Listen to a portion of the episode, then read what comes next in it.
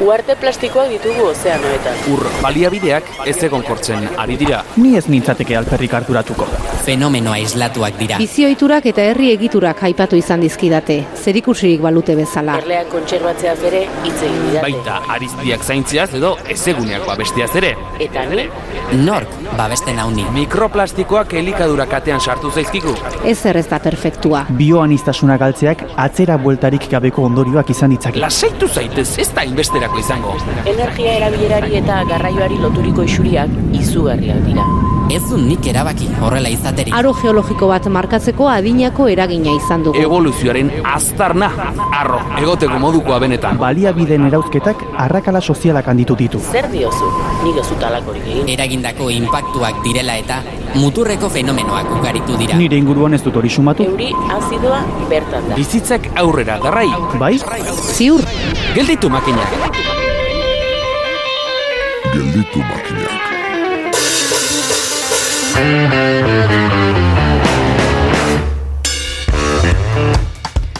Topologoen artean txiste ezaguna omen da topologo on batek ez dakiela bereizten kikara bat eta erroskila bat. Estudioan ez dugu ulertu eta hemen ulermenaren alde gaudenez American Physics Society Fellow saria jaso berri duen Maia García Berniori fisikariarekin bilduko gara. Materialen topologia dela eta fisika kuantikoa irauli duen ikerketa taldearen parte da. Beraz, ikusiko dugu kikarak eta erroskilak nola daramatzan.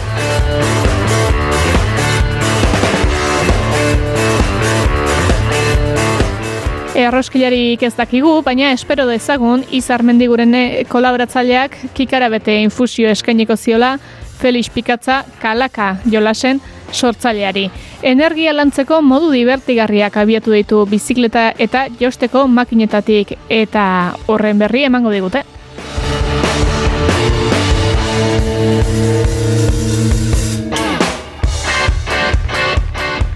Bat bestearekin josten hasita musika pilula bat erantziko diogu gaurko saioari Iker Gurrutxagak baduaria eta.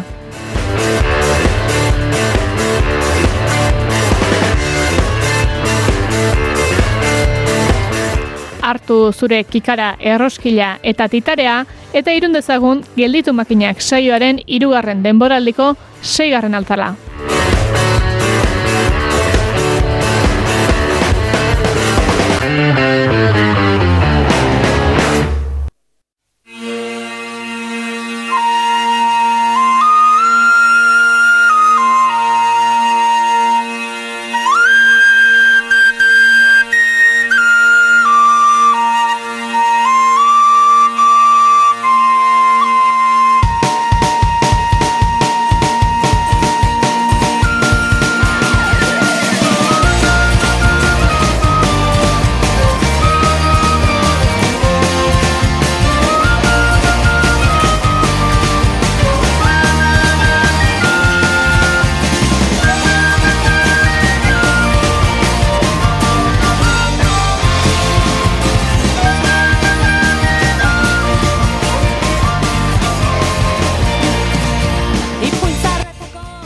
Donostia International Physics Centerrek eta Princetongo Unibertsitateak gidatutako ikerlari talde baketek jakindu topologia naturako ia material denetan aurki daitekeela.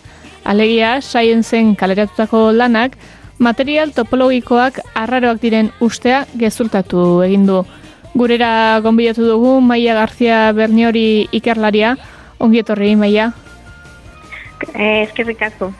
Lehenik eta behin zorionak American Physics Society Fellow saria jaso duzu eta zer da saria edo ze, ze esangura dauka sari honek? Bueno, ba, sari honek eh, errekonozimendu bat da. Zuk egindako lan baten errekonozimendua bat da. Eta eh, garrantzi handia dauka, ze American Physical Society da eh, munduko sozietatetik eh, importanteena. Eta hor daude, ba, fizikari e, oberenak, e, osea, excelentenak.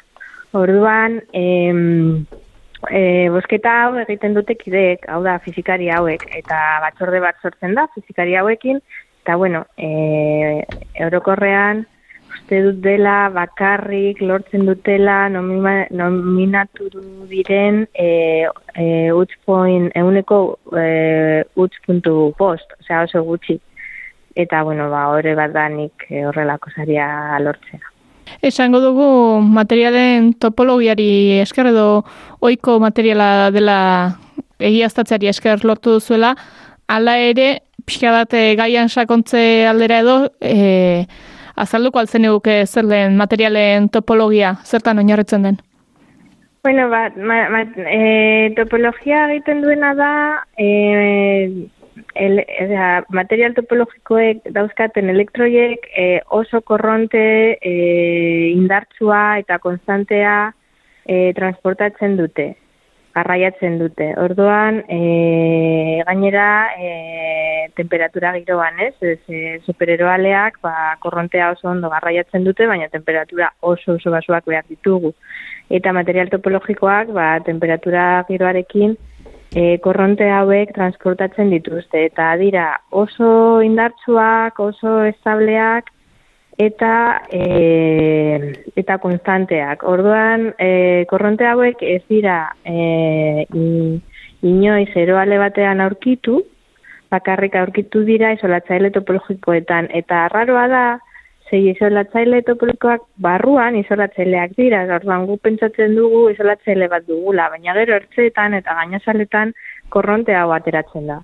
Eta, karo, ba, aplikazio pilo bat dauka, ba, zakit, mikroelektronikan, e, edo, bueno, gure egunerako teknologian. Isolatzaile topologikoiek pentsatu dezakegu e, bi material ezberdinez bezala osatuta daudela, legia barruan eta kanpoan e, desberdin funtzionatzen dute?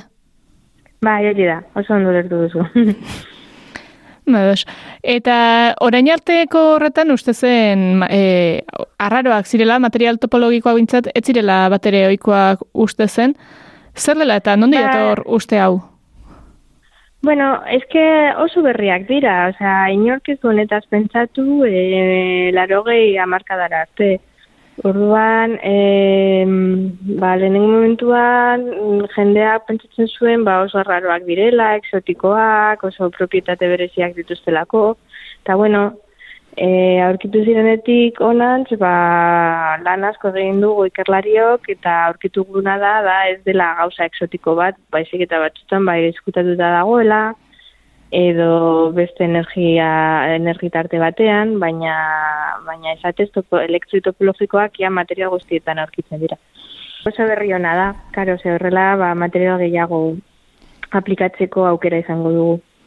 Ia leku guztietan daudela diozunean, e, ideia bat egite aldera edo, bauzu adibiderik, nun ze materialetan ikusi genezaken, edo, bueno, ikusi ez, baina ze materialetan aurki daiteken? Badibidez, e, gatzan, kloruro de sodio, badauka elektroitopologikoak.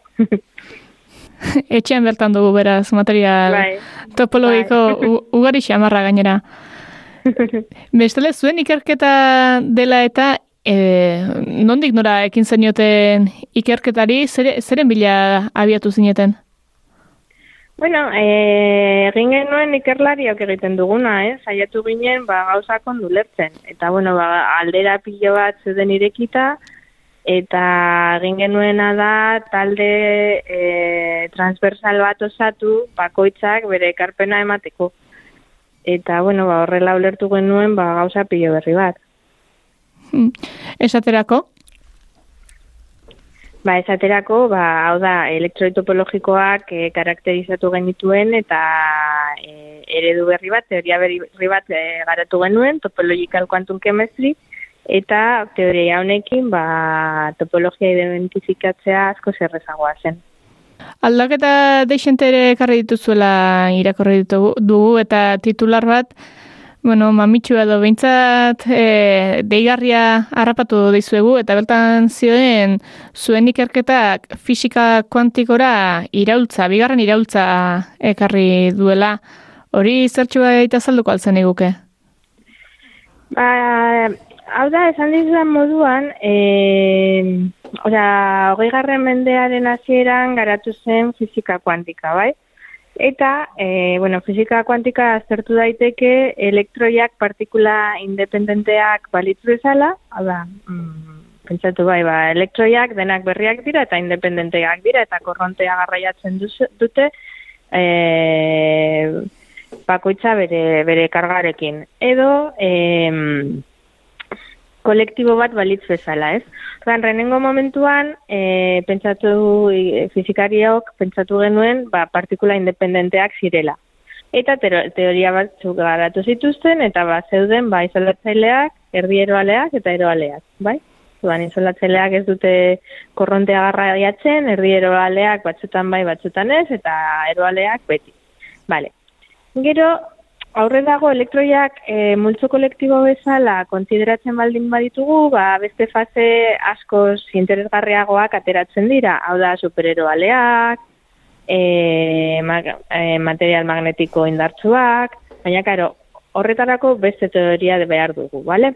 Ordan, izoilatzaile topologikoak da, dira, e, elektroi independenteen teoria kontsideratuz, hau da, oso teoria simple bat, bidolatzen dute e, materiaren eginda egin zen materiaren zailkapena. Ze ez dira ez eroaleak, ez isolatzaileak, baizik eta biak batera. Eta bueno, hau da, ba, mm, fizikako magnitude oso importante bat, ba, pasatu zielako. Eta fizikako kantitatea hau, magnitude hau da, e, berriren fasea.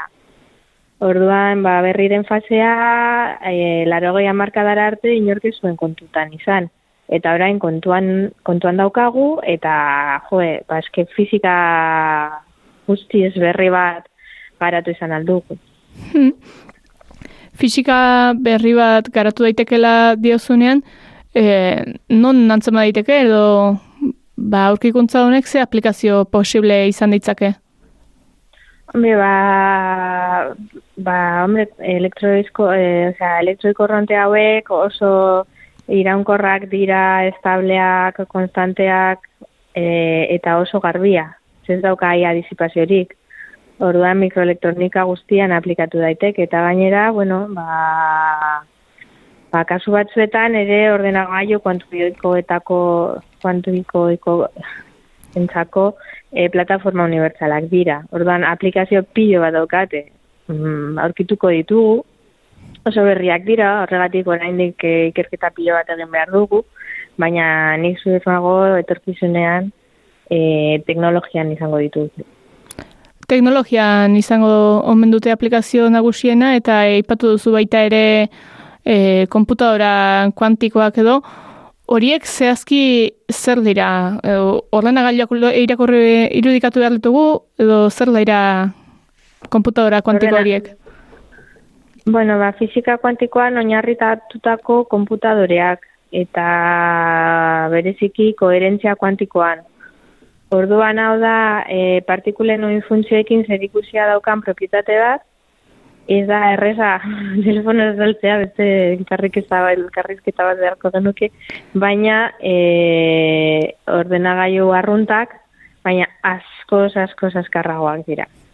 Ulertu da dudanagatik, e, zero eta bat bidez, baino arago funtzionatzen dutelako, eta hainbat modutan e, egin, dezatela- egin dezaketelako lan aldi berean, ala... bai, bai. Eta aplikazioak ikusita, e, galdetu nahi nizuke e, pixka bat zientzian sartuta eta agian zuen ikerketatik pixka bat aterata, baino maila honetako zientzialariak eta parean izan da galdera egitera usartu nahi nitzake, Alako aurrerapen teknologikoek askotariko erabilerak izan ditzaketelako eta izan dituztelako historian zehar ere, zorritugu erabilera militarrak eta beste, Ikertzaileek, e, ez da hau zure iritzi propiotik edo erantzun aldezakezun, baina ikertzaileek zenbaterainoko ardura eta kontrola dute gerora beraien ikerketek duten aplikazioan. Bueno, e, a ber, e, Manhattan proiektu ari buruz hitz egiten baldin bazaude, Hmm. hau zen ikerlarien zea iniziatiba bat, hau zen e, e, herrien, politikarien iniziatiba bat zea nazismoa gelditzeko. Orduan, e, ezakit, e, ez dut uste hau e, general, generalizatu alden, ze oso momentu puntuala da izan zen historian. Osa, hau da, e, Hitler ere bomba atomikoa garatzen zegoen, eta, bueno, ba, botilekitikariek pentsatu zuten Hitlerrek baino lehenago garatu behar genuela. Hmm. Eh, el fin judelazko propietate hauek, propietate hauek dituztela, baina, karo, materialon bat aurkitzea toksikoa ez dena e, abundantea, ba, ez da gauza erraz bat, orduan hortik jarraitzen dugu, e, material magnetikoak begiratu nahi ditugu, e, bai, materialen ikerketarekin jarrituko dugu momentuz. Ba, gu kortantxe utziko zaitugu eskerrik asko maia gurena izateagatik. Esan bezala zorionak berriz ere eh, American Physics Society Philo saria jasotzeagatik, etzarete asko eta eta jarrai ezazula ikerketa lanean, guk jarraituko du zure pista. Vale, eskerrik asko. Gelditu makinak. Naiz irratian, Eli Pagolarekin.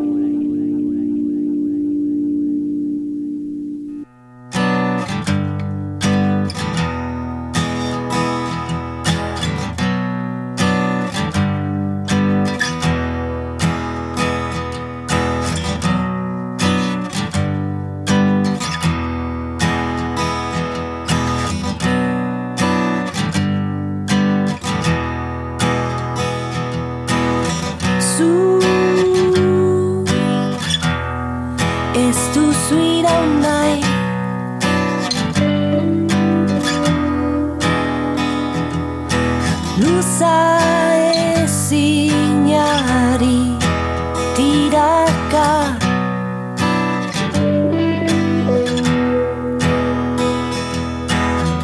Zu Ez duzu izan nahi. Paradigma ekosozialean irten bidearen gakoa da kontestu orokorra. Aintzat hartuz tokian toki eragitea. Gelditu makinak saioan alegin horixe egiten dugu eta horrexegatik ditugu kolaborat- kolaboratzaile deitzen ditugun makinistak. Denboraldi honetan gureran norrekarriko azazkalak jaten ibiliko gaituenaren txanda da gaurkoan. Izar mendigurenek ekintzaile eta proiektu interesgarriak ekarriko ditu gurera, amaika ingenio baitabil sort, amaika ingenio bai, amaika ingenio baitabil sorte, amaika ingenio baitabil solte hor zehar. Egin diezaiogun beraz leku, izar mendigureni. entzun nahi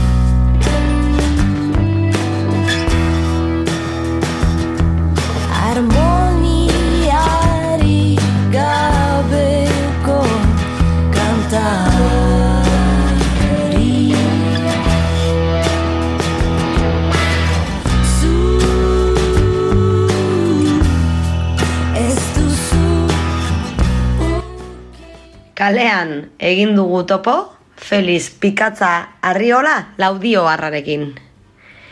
Kalaka jokuen sortzailea da bera, eta egur jolasez gain, bizikleta zein josteko makinei eraginez, energia lantzeko umeentzako joko divertigarriak kaleratu ditu. Pedalka, energia sortu eta pompa makinak zein irabiagailuak nola eta zergaitik makinatu dituen kontatu digu. Gelditu makinak eta entzun. Zertako irau, zertako irau Kalaka jokoak eh, proiektua sortu zenuen Feliz, zergatik nolatan? Bueno, eh, nire bizitza beti egon da eh, zurari edo egurrari eh, bateratuta, ez da? Eta, bueno, ba, ba, ba, bere garaian hasi nintzen, ba, eskulturak eta olako lanak egiten, ba, kutsak landuak eta olako zerak, eta gaur egun, ba, Gero heldu zen Ikea, Ikea metaforikoki esan, e, heldu zanean esan zuen, ba, bueno, gaur egun egin behar dela dana usar itirar, erabili eta bota, eta orduan ba, nire betirako eta altzariak ba, pizka bat e, gelditu zian aparte, orduan e, ja heldu zen nire nire gainbera esateko, ezta? Eta bilatu behar nuen beste aukera bat egurra landuz, zan nire ogibide bakarra. Orduan, e, jolasen mundua pizka bat ikertu nuen eta pizka erreferentzi batzuk Europa aldetik az, e, batuta, ba, horra hasi zen pizka kalakaiokoan nire semealabei pizka bat e, begira, beraientzako jolasak eginez lenda bizi eta gero ja pizka bat bilduma egiterakoan ba gente hasi zen eskatzen eta hortik hasi zen ba bueno ba, ba kalaka mundua edo gaur egun daukadan e, aukara zabala. Nolakoak dira jo estailu edo sortu dituzun pieza horiek? Bueno, ba nik eh, jolasa berez divertitzea nahi dut, osea, jolas bat sortu divertitzeko, baina horre, horre e, bere nahi nuke edo nahi dut e, pizka bat e, erantzi pedagogiko bat jarri horri. Horretarako e, gaur egun ikusten duen gabezia gizartean e, pizka bat jolasen bitartez e, saiatzen naiz e, e, betetzen ez da, eta horretarako adibidez jolas kooperatiboak edo kolaboratiboak sortu ditut, eta hor ikusten ditut, ba, bueno, ba, elkarlanean zelako e, gambezi, gabeziak edo dituzten e, aurrak eta nagusiak ez da, ditugu. Eta hor, ba, pixka bat, elkarlanean jarriz, binaka, launaka, sortzinaka, mabinaka, do berrogeita marnaka, e, lantzen ditugu, ba, nik uste dut, e, balio erantzia duten e, gaiak. Et, e, Esan ezkero jolasa zelan den, jo, ja kapatuta doa, hau jolasa horrela eta horrela da, ose, azkenean jolasa doa horra, eta zuk asmatu edo zer, zer uste duzu edo, zein intuizio ematen dizu hori zelan den, jolas hori. Eh, Eskaintza ezberdina ditut. Adibidez, ba, txikientzako gutxi dagoela ikusita, adibidez, ba, 0 bost urtekoentzako sortu dut gune gozoa. Eta, ba, e, mate, e, adin horretarako material egokia direnek, direnekin eta eskolentzako materiala pizka bat baliatu ere bai, ba, sortu du gune hori eta jenteak eskertzen du asko, ez dago asko 0 bost puzgarriak kenduta. Eta, bueno, hori da gune bat. Beste gune bat pedales da bizen tailerrak. Hor, e, makina, e, makina, deitu dezagun makina, e, bizikleta estatiko bat, e, antxineko josteko makina zar bat, eta olako elementuekin e, sortzen ditut jolasak, osea, margotzeko makinak, e, tornuan aritzeko la makinak, e, iribioak egiteko makinak, dana pedalen bitartez eta aurren energiari esker. Hori da, bigarren e, zera aukera bat. Hirugarren aukera jolas kooperatiboak, beste aukera bat e, puzzle, estrategia, ingenio, jolasak, mai gainekoak, eta beste bat ba, egurrezko jolasak, esateko egurrezko formato handiko jolasak e, e, jolas estandar bat, e, plazan agertzen dugun estandar bat izaten da 0 bost urteko entzako e, gunetxo bat, jolas kooperatiboak, et, jolas erraldoiak eta puzzle ingenio eta estrategia jolasak. Horiek dira aukera estandar bat. Plaza batean, edozein iganden, edozein jaiegunetan, bi orduko saio bat. Egurrezko elementuak e, dira guztiak, bertan e, ikusi daitezke, ez, laberintoak, pilota batekin e, zeharkatzeko eta esate baterako zukuak egiteko bizikleta bat. Zenolako balioak sustatu nahi izan dituzu, zuk e, propioki diseinatu eta zure burutik herriko plazetara eramandako jolas horien bitartez. Balioak, nik ikusten dut edo, bueno, ni, niri gustatuko litzaidaken e, balioa sustatzea, ez da? Ba, bueno, aurrek ikustea e, era praktiko batean energia zelan sortzen dan, eta beraiek gai direla energia sortzen, eta energia horrekin e, zeo zer egitea, era praktiko batean adibidez, ez da? E, eta balioak, ba, bueno, ba, pizka bat ere bai, hausnartuz gizartean gabeziak daudenak. Orduan ikusi pizka bat zer falta den edo, bueno, zeren faltan gauden. Eta horren inguruan, ba, bueno, ba, ba, ba, ba sortu zeo zer. E, nire lana e, plazetan, e, begirale ba, lana baino da dinamizatzaile lana, eta dinamizatzaile lana horretan, e, behatzaile lana da asko. Nik begiratzen dut asko aurrek zelan egituten, e, ze behar duten, e, zelan jolasten duten, e, eta, eta horretan sortzen dira jolas gehiago, be, e, behaketa horretan. Umen beharrak jolasak diseinatzerako orduan ez direla kontuan hartzen uste duzu? Ez dakit, ez, ez dakit gai naizen erantzunik emateko horri, baina nik nirea begiratzen dut, ez dakit besteek e, ze, ze ikuspuntu edo egite duten, e, begiratzen duten hori egiterakoan. Nirea behintzat argi dago e, behar batzuei erantzun nahia dala. Edo ez dakit lortzen dudan ala ez, baina, baina gutxienez, ba bueno, hortik doa, e, idea, ideia do. Egurra da edo natur elementu bat da, kasu honetan e, egurra zure osagaie nagusia, jolasteko bitartekoak ingurumen jasangarritasuna ardatz hartuta sortu izan dituzu beti, zergatik, ze balio ematen dio horrek jendarteari. Egurra izan da beti material bat eskura, eh, lehen gizakitatik onaino, ba, eskura izan dugun material bat, ezta? Eta, ba, bueno, eh, lehen gizatetik hasita onaino, egurra beti irabili izan da. Nik gazte gaztetatik, ba, erabaki nuen edo edo bastertin ninduen e, eskolak e, kazurro bat nintzelako eta joan nintzen e, arrozgintza ikastera. Eta arrozgintza ikaste horretan, ba, ikasi nuen egurra lantzen. Eta egurra lantze horretan, ba, gaur egun nire ogibidea dena, a, eraman nau modu batea, modu handi ba- modu batean, ba, hori egurraz lantzen. Egurra ere, ba, pixka bat, e, e, ba, egur garbia, material ba, noblea esateko, eta, eta bueno, ba, ba, eta ikusten dut, ba, ba, egurra beste material batzuk baino gaur egun oin arte edo bueno, oin, oin egun, gaur egun erabiltzen ditu material batzuk baino ba, beste beste ba, naturaldetik pizka bat e, zaintza aldera gehiago duela beste balore batzuk, ezta? Ez plastikua eta petrolearen e, al, al, alderatuz, petrolearekin alderatuz.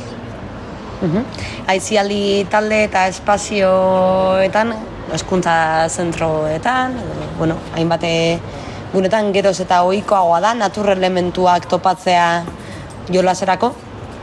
Joera hori da bilakaera hori somatzen duzu zuk ere inguruan. Bai, bai, egurrezko jolasak e, egia esan ere bai oin arte e, ba, bueno, plastikoak kendu duela asko, ba, leku asko egurrari, ezta? Erabili dugu plastikua, ba, nahi beste eta, eta, eta topera. Baina heldu da momentu bat igual pizkat hausnarketa bat egitea eta konturatzea, ba, bueno, ba, ba, ba, badaudela beste material batzuk eta tartean egurra eta betikoa eta hurbila eta beroa eta bueno, ba, ba erabili behar dugula eta eta momentua da, ba, bueno, bai eskoletan ere bai eraldaketa prozesuak daude orain eta bueno, ba, pixka bat aldatzen ari da eta dana e, pixka bat plastikoa aldenduz eta egurra sartuz. Zientzia modu jasangarri batean ikasi edo esperimentatzeko gaiuak prestatzen eh, zabiltza orain? Nola egiten da hori, Feliz? Ba bueno, e, zientzia edo non dago, baina, e, baina bai, e, pizka bat eskolei beharren arabera edo eskolak eskatuta pizka bat e, konturatu naiz dagoela mundu bat hor, e, zientzia aurrezkuntzan. Hor katalana dabiz gure aurretik eta katalanak e, dabiltza ja urte batzuk ja jorratzen e, zientzia aurrezkuntzan. Eta, eta bueno, oin ikastara batzuk egin behar ditut hor Katalunian eta eta gogoa dut pizka bat e, ba hori elementu batzuk sartu sortu edo, edo zelan pizka bat e, zientzia aurrei sortu era divertigarri batean. Manak, magnetismoa, zirkuitoak, e, sibak, e, bueno, ba, zientzia landu era divertigarrian. Eta, eta hori da pizka bat e, begiko daudana aurrera begira. E, ba, eskolentza, eskolei eskaintzeko eta baita plazaz plaza e, pizka bat e, jolasa, baina baina komponente didatiko bat e, jarriz e, jolasari. Eta bueno, ba, ba aurra pizka bat ikardez, ikardezazen, ikardezaten e, zientzia, e, teorikotik pizkat apartut, apartatuta eta bai praktikotasuna,tik e, ba, helduta. Egungo egoerari lotuta bada beste joera saiestezin bat, pantaiena, bideojokoen presentzia ere hortze daukagu, kezka edo aukera bezala, nola ikusten duzuzuk natur elementuak sustatzea jolas dinamiketan. Pantaiak hor daude eta ezin dira kendu. Orduan e, gure gure bizitzaren zati dira eta gure semealabek pantaiekin jaio dira. Orduan helduko da egun bat, ba bueno, ba pantaiak e,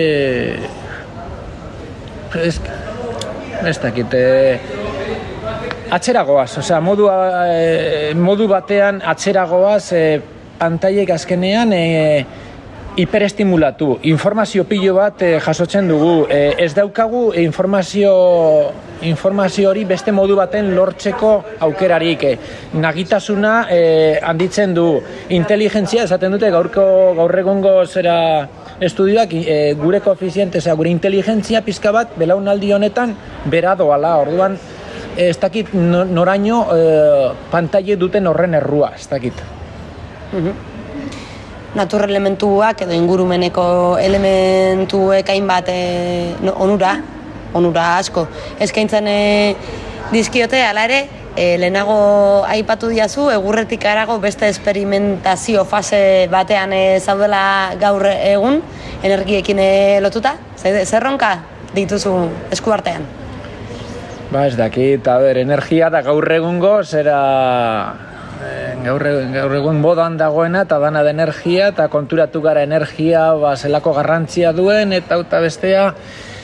Eta bueno, a ber, nire jolasekin pizka bat sensibilizatu energiari buruz e, aurrek divertitzea eta eta kontzientziatzio pizka bat, a ber, ba, gure etorkizuna aurren dator eta pizka bat, a ber, e, hasi ba, hasia pizkaterein eta ber beraiek pizka bat gai diren e, mundu pizka bat e, osasuntsuago eta eta lortzearen alde, ez da, ez dakit nola esan, e, beraiek dira etorkizuna, gu ja pizka bat, ja, ba, adinen aurreragoaz eta gero eta gutxiago, ja.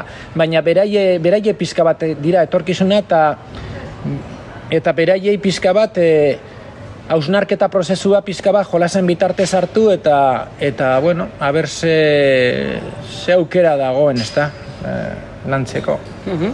Eta eraldaketa e, guzti hori gauzatu dadin, ze jolas proposamen dituzu buruan Feliz, gehiegi galdetzea ez bada, jakin mina, sortu zaiguta.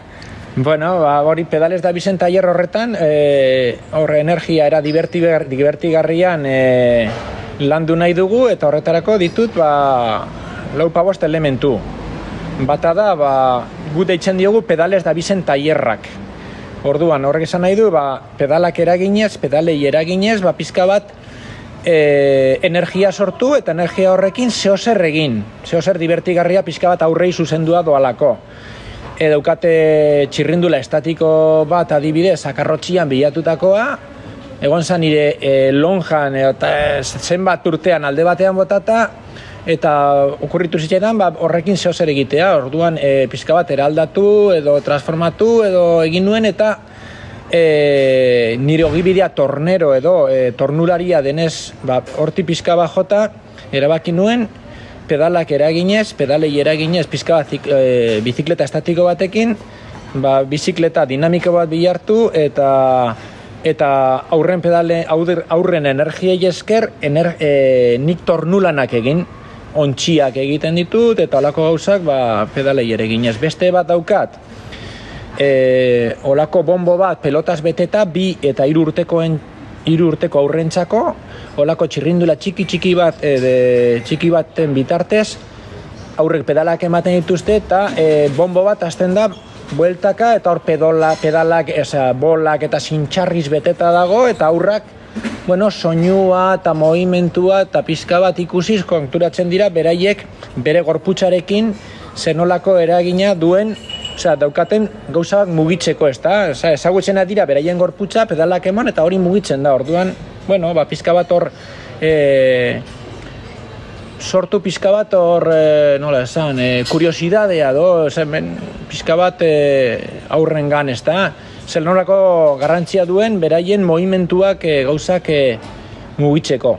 Beste badaukat, e, iribioak egiteko txirrindula bat, Hau ja da, e, ba, bost urtetik aurrerantza, bostetik, ba, ama bost, ama sei urtetara arte, hor e, jartzen da iribio makina bat, edo batidora bat, eta aurre pedalak ematen dituzte, iribio makina azten da ba, bueltaka, eta bueno, hor sartzen dan, e, ba, bai edaria edo bai fruta edo dana dalakoa, ba, bihurtzen da iribio. Orduan, ba, bueno, horre e, egiten da lan bikoitza, ez da, alde batetik, ba, bueno, e, kirola, beste batetik, e, Nutrizioa. nutrizioa hoxe da, eta beste batetik, ba, ba, bueno, energia sortu, eta ba, hori, hori egiten dugu.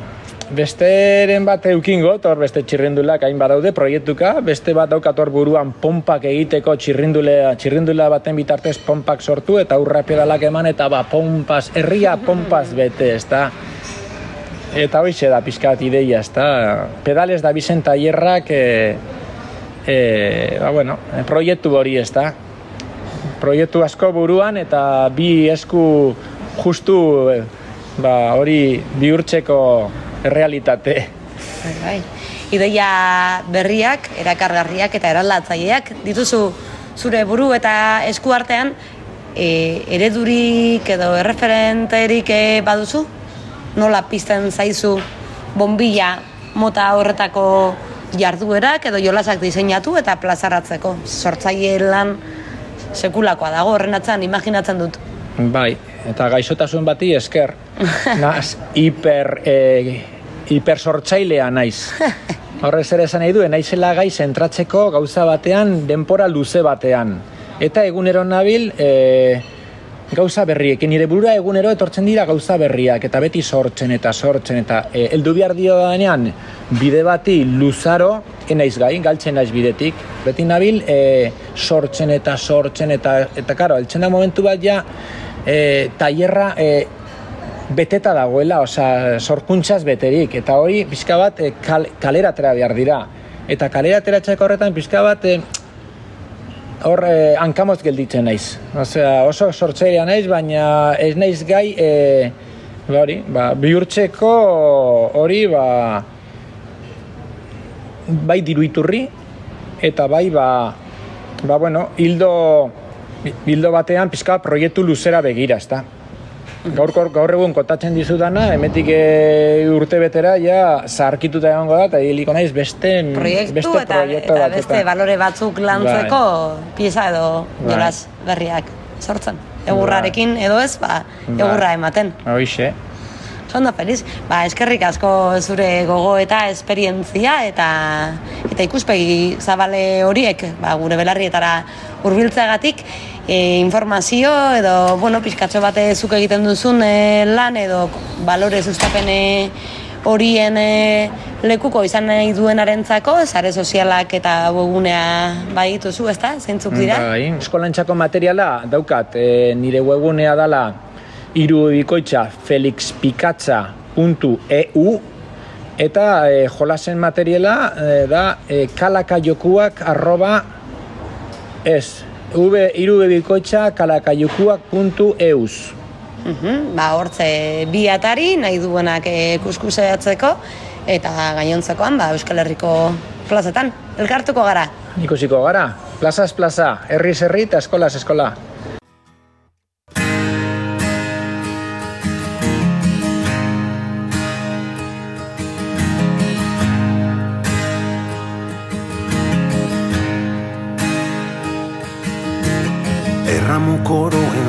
Garaino ez egon Baina zerran guri zer den txarreta zer hon Estatuak eskalentzat bakarrizketa. Ez urretara gizkoa da gure festa.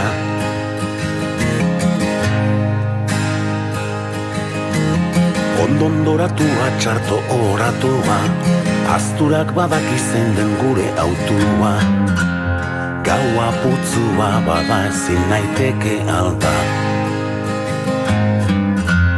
Gaua xamurra bada xamurren emalda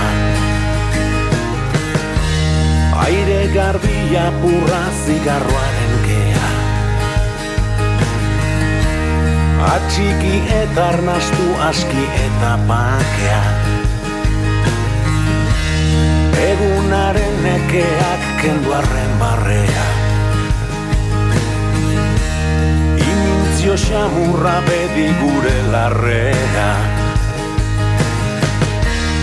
Eginaren ordaina sobera eske alda Norberari bere aldeun dezagun malda. Itxamurrez biluziegun ilunen kraka. Erantzi eta erantzi gauak arrazoi dauka. Erantzi hitzak eta erantzi atzaparrak. Jantzi denak antzi erantzi hitza jantzi. Ispilua zuzaitut gardena eta zintzo Benetako isla da zure begien mintzo. Gaua putzua badazu naiteke hau da. Gaua xamurra bada xamurren emalda Gaua putzua badazu naiteke hau da Gaua xamurra bada xamurren emalda Gaua putzua badazu naiteke hau da Gaua xamurra bada xamurren emalda Gaua putzua badazu naiteke hau da Gaua xamurra bada xamurren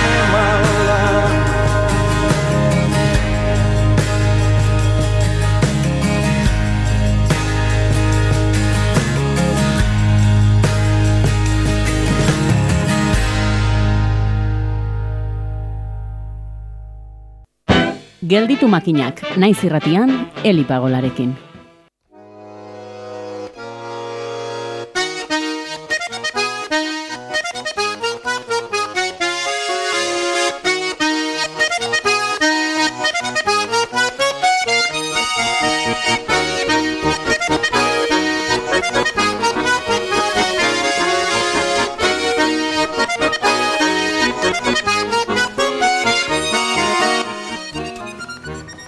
Eta honetara ezkero, badakizuen musika pilularen txanda dugula da. Eta bat indartxu xamar etorri zaigu, bere musika gomendioa egitera, Hementxe dugu, parez pare Iker Gurrutxaga, ongi etorri, arratsalde Iker. Arratxalde, zar moduz? Ongi, eta zu zar moduz zabiltza? Ondo, ez gara kexatuko. Ez gara kexatuko, ba, gaur oso indartxu zatozela iruditu zait zure proposamena irakorri dudanean. Bai, bueno, hau nire esango dut eh, egontzela garai bat, eh, ba, musika kontsumitzen hasi nintzen eta gazte hasi nintzen olako kantua kontsumitzen eta zakitu horrek ere gerora izango du, ez? Eraginik, ba, zuk zer musika entzuten duzun umetan eta ba, ba, bueno, zure bizitzan ere eraginik izango du. E, lauro marrako kantu bat, e, karri dut, negu gorriaken lehen da biziko diskoko kantu bat, eta, bueno, buruz ikasi nuen, etako bat, ba, disko hori uste dut, hasi eta buka buruz abesteko ia gai izango nintzateken diskoa dela. Eta igual pasa 6 zazpi urte diskoa hasi eta buelta bat eman gabe, baina jarri eta egurra. Eta hemen, bueno, ba, ba puri-purian ibili den gai batekin lotura egingo dugu. Ze, bori, ba, IBM konputagailokin lan egiten duen mutil bat ezagutzen du, abeslariak, ez, kantuetako abeslari protagonistak, eta, bueno, seinale baten zai pasatzen ditu urteak, eta horren atzetik dator, sabotajea, sabotaiaren seinalea. Begira, ez? ze garaitan, e, esaten duen, gainera, esaten du, badakite ere Alemanian erresistentzia guda hasi dela, alegia, karo, garai hori, ba, ez? Alemania bitan zatitu zeuen garaian edo kontestuan edo. Bueno, justu pentsatzen dut, e, arresi erori osteko erresistentzia gudaz ari dela. Ba, batzuk oraindik ere, ba, Alemania sozialista bat nahi zutelako, ez da? E, demora jarriko du bakoitza bere tokian. E, Alemaniak ze bide hartzea izan zen egokiena, ez? E, edo Alemania federala edo demokratikoa zein zen, ez? E, zuzenagoa, beti batzuk besteak zigi, e, ez, bueno, esango dute gaiztuak direla. E, ez da behidu horretan sartu gabe gehiegi, e, ez dudala, ez ezelako gai e, Helmut Kohl edo, edo Enrik Joeneker zen, ez da? Oker espaldi manez. Erik Joeneker, bai, hor Twitterren bazegoelako pertsonaia bat, horregatik dakit. e, bueno, ez dakit, e, bueno, man, nik nire iritzia badut, baina denbora jarriko dugu erotokean, baina justu, ez? E, sabotaia, Alemania, konputagailuak, eta dena batera, ba, orain txen Nord Streameko Kantua bera bakarrik etorri zaizu, eh? Bai, hau bai, eta begiraz, duela hogeita ma bi urte, e, ba, akaso dagoeneko IBM konputagailuetan ari ziren, zerbait egiten. Entzun dugu. Noski. Negu gorriak taldearen seinalea kantua.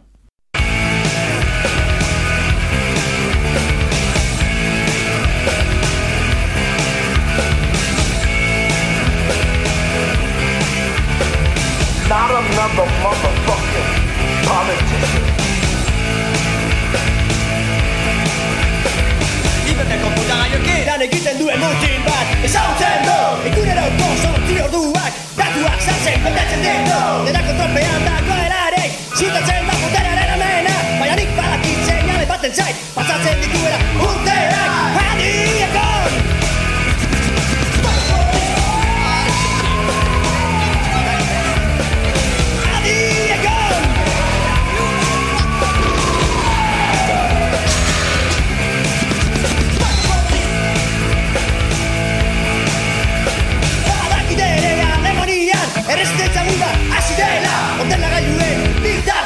bitartez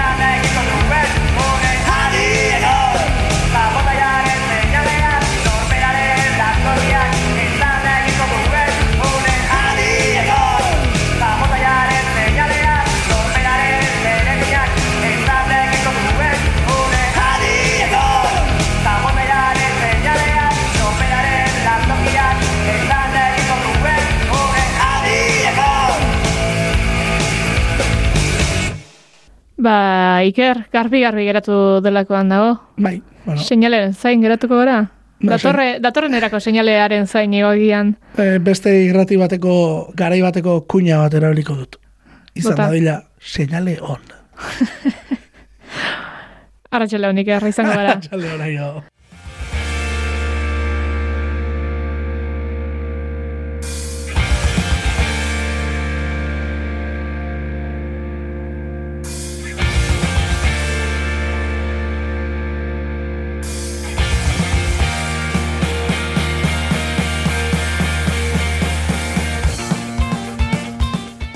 Eta bat eta beste osatu dugu bada seigarren atalau ere urrengo seinalearen zain kalakan topo egin dezagula. Ondo izientzule.